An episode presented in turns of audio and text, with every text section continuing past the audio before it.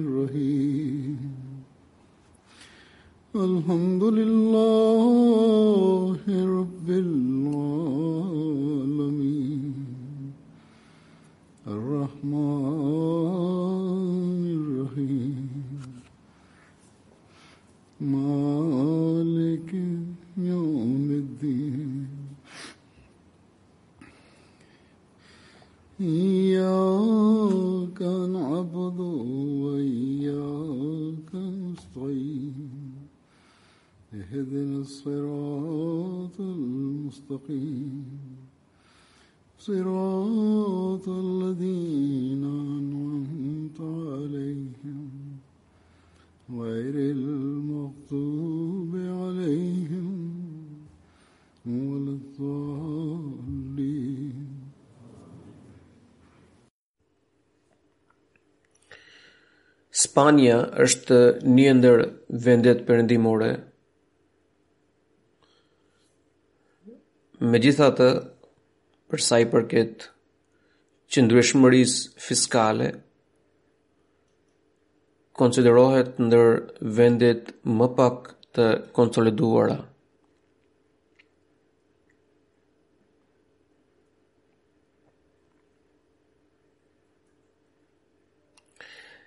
Edhe pse mundësitë e punës Të ardhurat dhe standardi i jetesës janë më të ulëta se në krahasim me vende të tjera evropiane si Francë, Gjermani apo Angli. Gjendja socio-ekonomike është është më e lartë se Pakistani. Kjo është arsyeja Përse një numër i madh njerëzish vijnë këtu nga Pakistani për të gjetur punë apo për aktivitetet tregtare?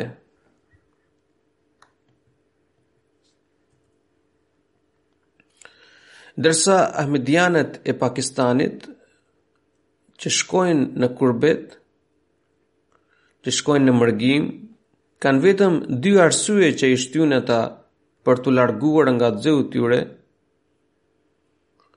Arsyeja kryesore është vendosja e sanksioneve në praktikën e besimit dhe mungesa e lirisë fetare,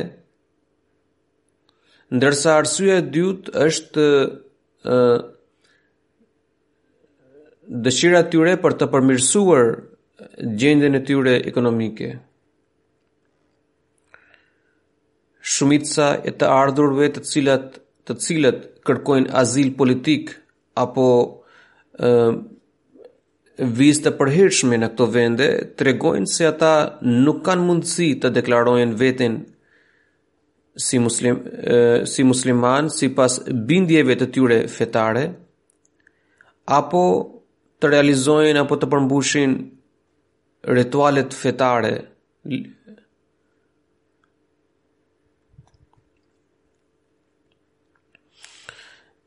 Disa prej këtyre azilkërkuesve ahmedianë e rrëfejnë vetëm realitetin, vetëm të vërtetën, por ka edhe të tillë që e ekzagjerojnë atë për t'iu përshtatur qëllimit të tyre, për të arritur qëllimin e tyre.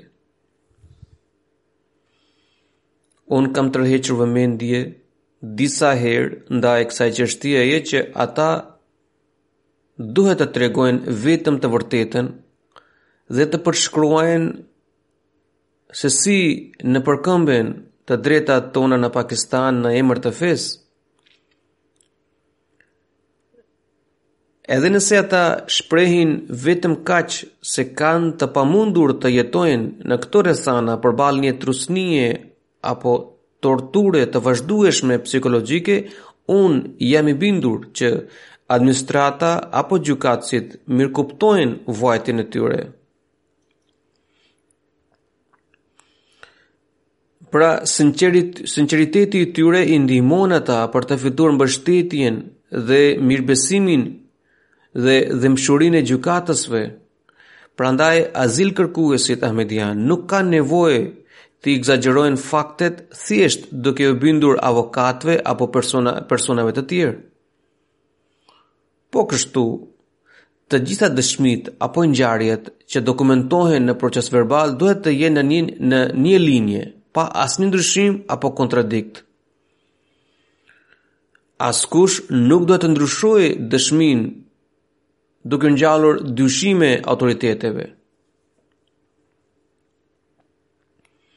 Allahu i madhërishëm ka krahasuar gënjeshtrën me idhujtarinë.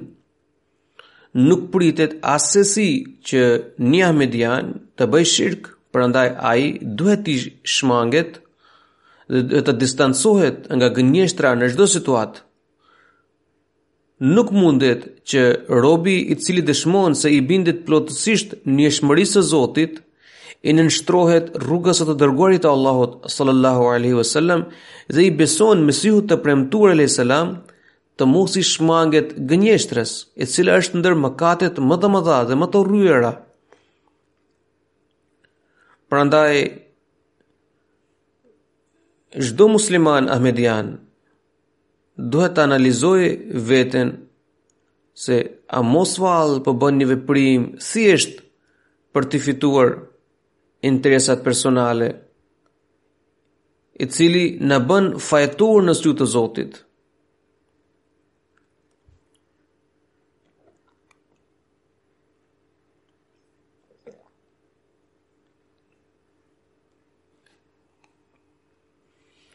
Përderisa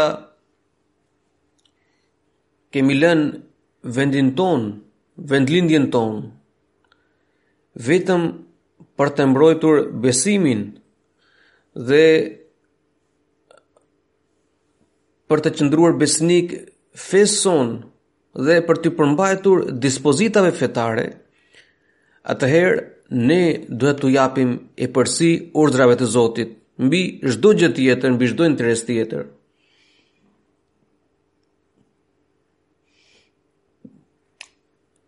Ka nevojë që ne të analizojmë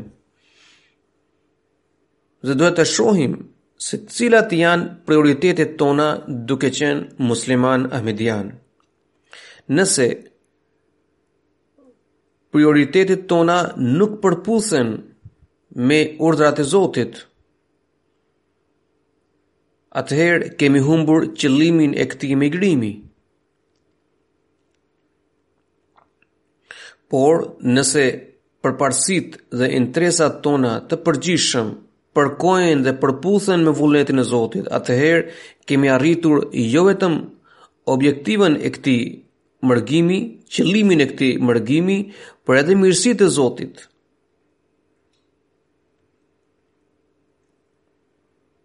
Nëse ne mbështetemi në gënjeshtër, Dhe dynjanë e kemi bërë qëllimin e jetës sonë.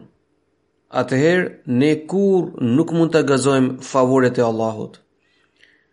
Ata që besojnë në njëshmërinë e Allahut e adhurojnë atë dhe kanë kuptuar qëllimin e jetës së tyre. Synimi i tyre parësor është të fitojnë vetëm pëlqimin e tij.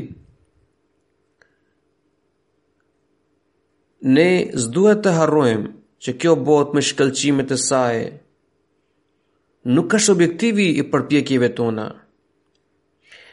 Dhe ajo assesi nuk mund të jetë qëllimi i ekzistencës së një besimtari.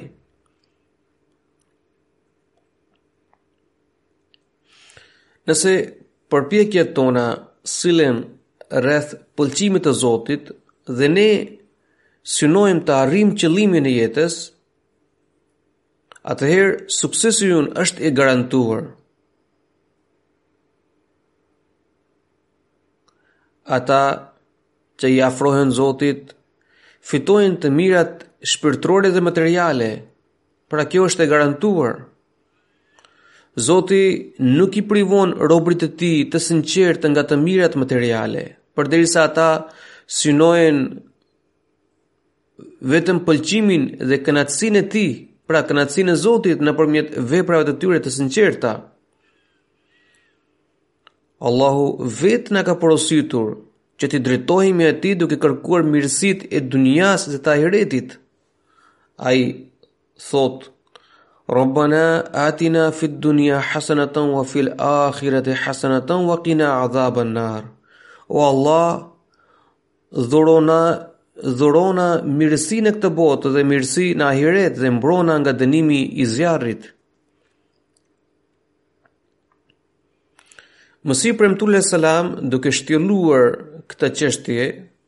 ka shkruar, ai thotë, njeriut i lipsen dy gjëra për t'ia gjetur, për t'ia siguruar lumturinë vetes. Pra janë dy gjëra që janë të domosdoshme dhe janë të nevojshme për të fituar lumturinë e brendshme. Ai shkruan, së pari, të ruajë veten nga çfarëdo sprovash dhe vështirësish që has në këtë jetë kalimtare. Pra të mbetet i përmbajtur, i duruar përballë çdo sfide dhe përballë çdo sprove që ai has në këtë jetë kalimtare. Ai thotë së dyti, t'u shmanget ligësisë, prapësive dhe sëmundjeve të tjera shpirtërore që e largojnë atë nga Zoti. Pra, dy janë sfidat, sprovat dhe vështirësitë e kësaj jete, apo sprovat dhe vështirësitë shpirtërore. Mirësia e kësaj bote është që të ruajë veten nga çdo sprovë, shthurje, apo poshtërsi, qoftë fizi, qoft fizike apo shpirtrore. Allahu ka thënë Rabbana atina fid dunya hasana. Këtu fjala Rabbana Zoti ynë është treguese ndaj pendimit. Pra kjo fjalë tregon që robi i cili po përdor këtë fjalë, po shpreh këtë lutje dhe po i drejtohet Zotit duke thënë o Zoti ynë, tregon që ai është i penduar Ai thotë, njeriu kur i nënshtrohet Zotit me bindje të plotë, atëherë i drejtohet duke thënë Rabbana, o Zoti ynë. Kjo tregon se ai është zhgënjyuar dhe ka humbur besim në zotat e tjerë,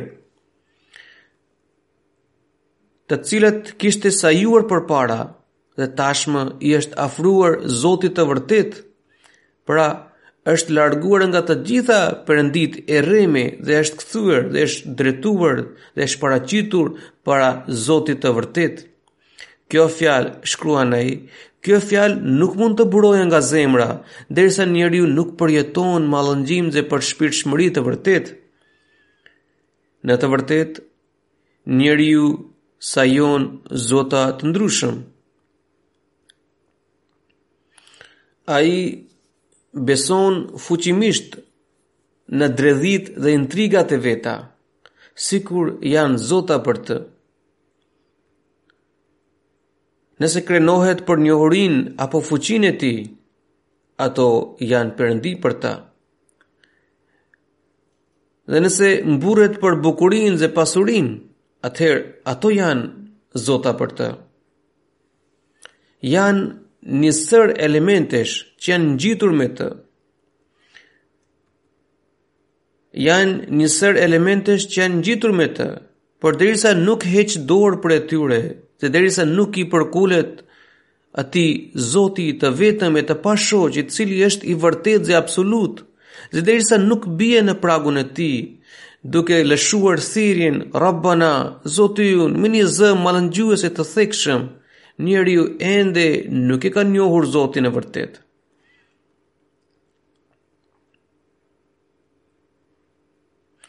Kur njeriu pendohet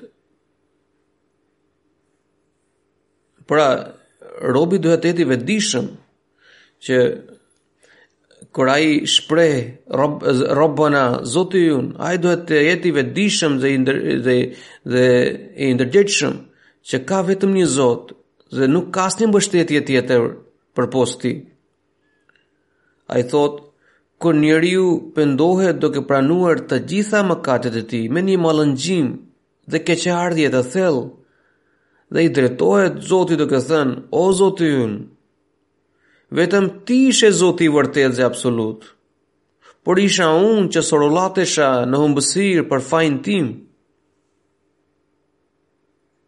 Unë kam hequr dorë nga të gjithë zotat e rremë dhe perënditë false dhe tashmë të nënshtrohem vetëm ty me sinqeritet dhe përkulem para teje.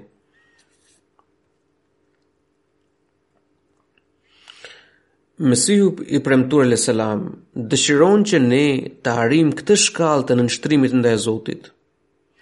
Duke adhuruar Zotin dhe duke iu lutur atij në këtë mënyrë, do të fitojmë mirësitë e kësaj jete, por edhe të ahiretit. Në këtë shkallë,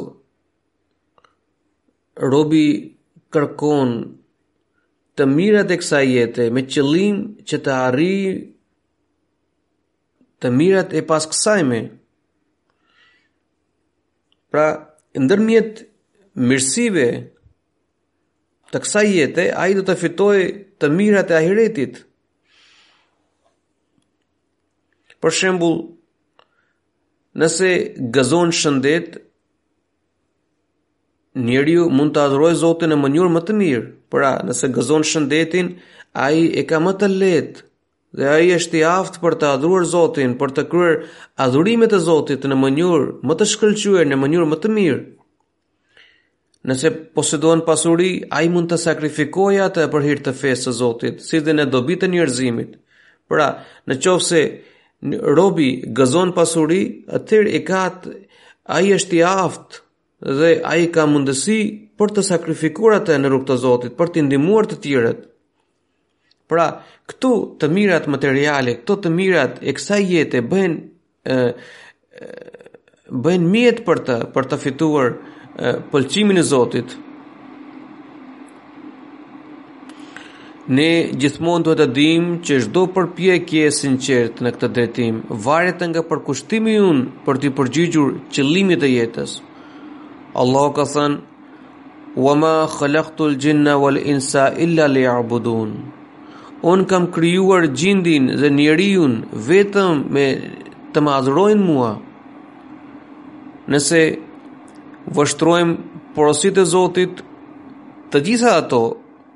Njëra pas tjetrës, pa përjashtim, na vetëdijësojnë për njohjen e Zotit. Punët e përditshme nuk duhet të na pengojnë nga kujtimi i Allahut, e as dëshirat tona personale të bëhen qëllimi i jetës sonë. Mesiu i Premtuar alejhi selam shtjellon këtë çështje në një vend tjetër. Ai shkruan: Allahu ka thënë: Unë kam krijuar xhindet dhe njeriun me qëllim që ata të më njohin dhe të më adhurojnë mua. Kjo ajet tregon se qëllimi i vërtetë i jetës së, jetës njerëzore është adhurimi, njohja dhe nënshtrimi i plotë ndaj Zotit. Dihet që njeriu nuk mund t'i caktojë vetes qëllimin e jetës, sepse ai as nuk lind me dëshirë e as nuk vdes me dëshirë. ai është thjesht një krijesë. Ndërsa ai që e krijoi njeriun, pra krijuesi i tij, i cili i dha aftësitë më të mira dhe më të dalluara, më të veçanta në krahasim me krijesat e tjera dhe e quajti krijesën më të dalluar, duke i dhënë epërsi mbi gjithë të tjerët, i caktoi një qëllim në jetë. Njeriu daç e kupton, daç nuk e daç nuk e kupton. Pa dyshim, qëllimi i jetës së tij është vetëm adhurimi, njohja dhe nënshtrimi ndaj Zotit.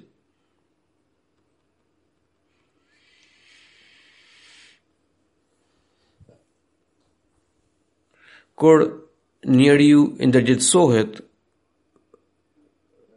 për këtë qëllim dhe ai mban parasysh këtë objektiv, ai bëhet besimtar i vërtetë dhe në këtë mënyrë ai shfrytëzon të mirat e kësaj jete për të fituar pëlqimin e Zotit dhe në këtë mënyrë të mirat e kësaj bote bëhen e, mjet për të, pra i shërbejnë si mjet për të arritur, për të arritur. Duhet që aftësitë mendore, fuqia fizike, mirëqenia materiale, madje edhe shpikjet bashkëkohore, nuk duhet të na, nuk duhet të devijojnë njeriun nga qëllimi i tij. Pra shëndeti, pasuria, aftësitë tona dhe, dhe shkëlqimi i kësaj jete, nuk duhet të na shkallojnë ne nga mendtë që të harrojmë misionin tonë në jetë, që të harrojmë dhe të neglizhojmë qëllimin e jetës. Siç kam thënë edhe përpara që shumica e muslimanëve ahmedianë, të cilët kanë ardhur këtu në këto vende për shkak të besimit dhe dhe mungesës së lirisë fetare në vendlindjen e tyre. Pra qëllimi kryesor i ardhjes së këtyre eh, ahmedianëve është vetëm eh, për shkak të të besimit dhe mungesës së lirisë fetare në në vendlindjen e tyre. Çdo musliman ahmedian nuk duhet të harrojë që jemi ata të cilët deklarojnë që Mesihu i premtuar në kohën e të cilit duhet të duhet të lindte dielli i Islamit pas një periudhe të errët dhe i cili duhet të udhëhiqte muslimanët, duhet të shpinte muslimanët nga errësira e bidateve dhe zakoneve drejt dritës së Islamit të vërtetë. Pra ne deklarojmë që ky Mesih i premtuar ka ardhur. Çdo musliman ahmedian i cili ka ardhur në këto vende, ka për obligim që të bëjë gjithçka që është e mundur për të përmbushur këtë detyrë të rëndësishme. Çfarë është kjo detyrë? Çdo musliman ahmedian kudo që ndodhet duhet të informojë të tjerët përqark tij në mjedisin ku ai jeton se çfarë është Islami i vërtetë. Pra duhet të dëshmojë, duhet të manifestojë islamin e vërtetë me anë të karakterit, me anë të sjelljes së tij. Veprat, morali dhe bindja ndaj Zotit të çdo ahmediani duhet të jenë duhet të jenë duhet të jenë shembullore.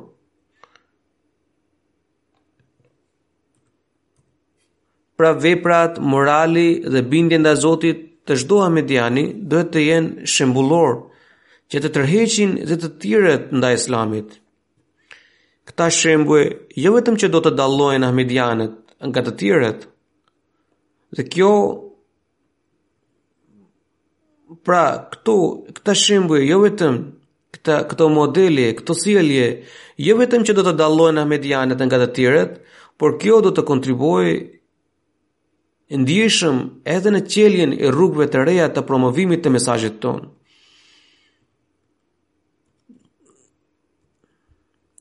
Çdo musliman ahmedian jo vetëm që duhet të kuptojë qëllimin e jetës së tij, por ai gjithashtu duhet të nxisë edhe të tjerët ndaj këtij vetëdijësimi.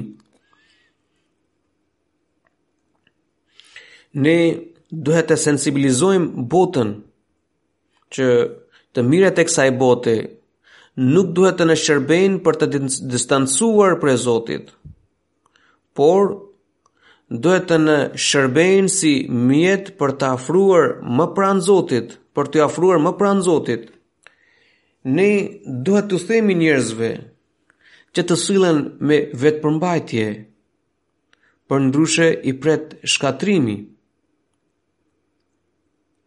Para 4 apo 5 vjetësh, askujt nuk i shkonte mendja për një shkatërrim, për një kërcënim real të, të një shkatërrimi me për, me përmasa globale. Madje, njerëzit nuk donin të pranonin që ekziston një kërcënim i tillë.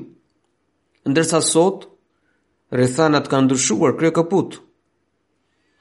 Vendet perëndimore kujtojnë se zhvillimi i tyre material do t'i mbrojë ata, do t'i mbrojë ato nga pasojat e këtij shkatërrimi.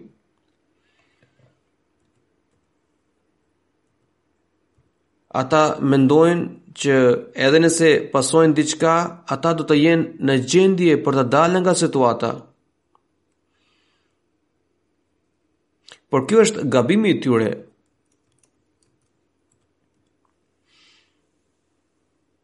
pas luftërave, vendet e zhvilluara dhe të, konsolidu, dhe të konsoliduara do të përqendrohen në, në rimëkëmbjen e ekonomisë së tyre, e ndërsa këto vende që janë relativisht të dobëta nga ana ekonomike dhe varen nga vende të tjera mund të kalonin në situatë akoma më të rëndë. Muslimanët ahmedianë duhet të tërheqin pëlqimin e Zotit me anë të lutjeve dhe veprave konkrete. Është vetëm mirësia e Allahut që mund të ruajë botën nga shkatërrimi. Dhe për të tërhequr mirësinë e Allahut, ne duhet të ndjekim dhe të zbatojmë porositë e tij. Çdo musliman ahmedian duhet të kuptojë se vetëm pranimi i Mesihut të Premtuar alejhi selam nuk e bën atë të denjë për të fituar mirësitë e kësaj jete apo të ahiretit, apo ta mbrojë atë nga dënimi i zjarrit. Besimi në Mesihun e Premtuar alejhi selam na ngarkon me, me, me përgjegjësinë më të madhe për t'iu përmbajtur pëlqimit të Allahut. Hazret Mesihu i Premtuar alejhi selam ka shkruar, Ai thotë, Mbani mend që vetëm bejti për anëtarësimin në xhemat nuk vlen dhe Allahu nuk kënaqet prej tij, derisa ne nuk përmbushim qëllimin e e bejtit. Ju duhet të bëni çdo përpjekje për të arritur qëllimin kryesor të bejtit. Çfarë është ai qëllim?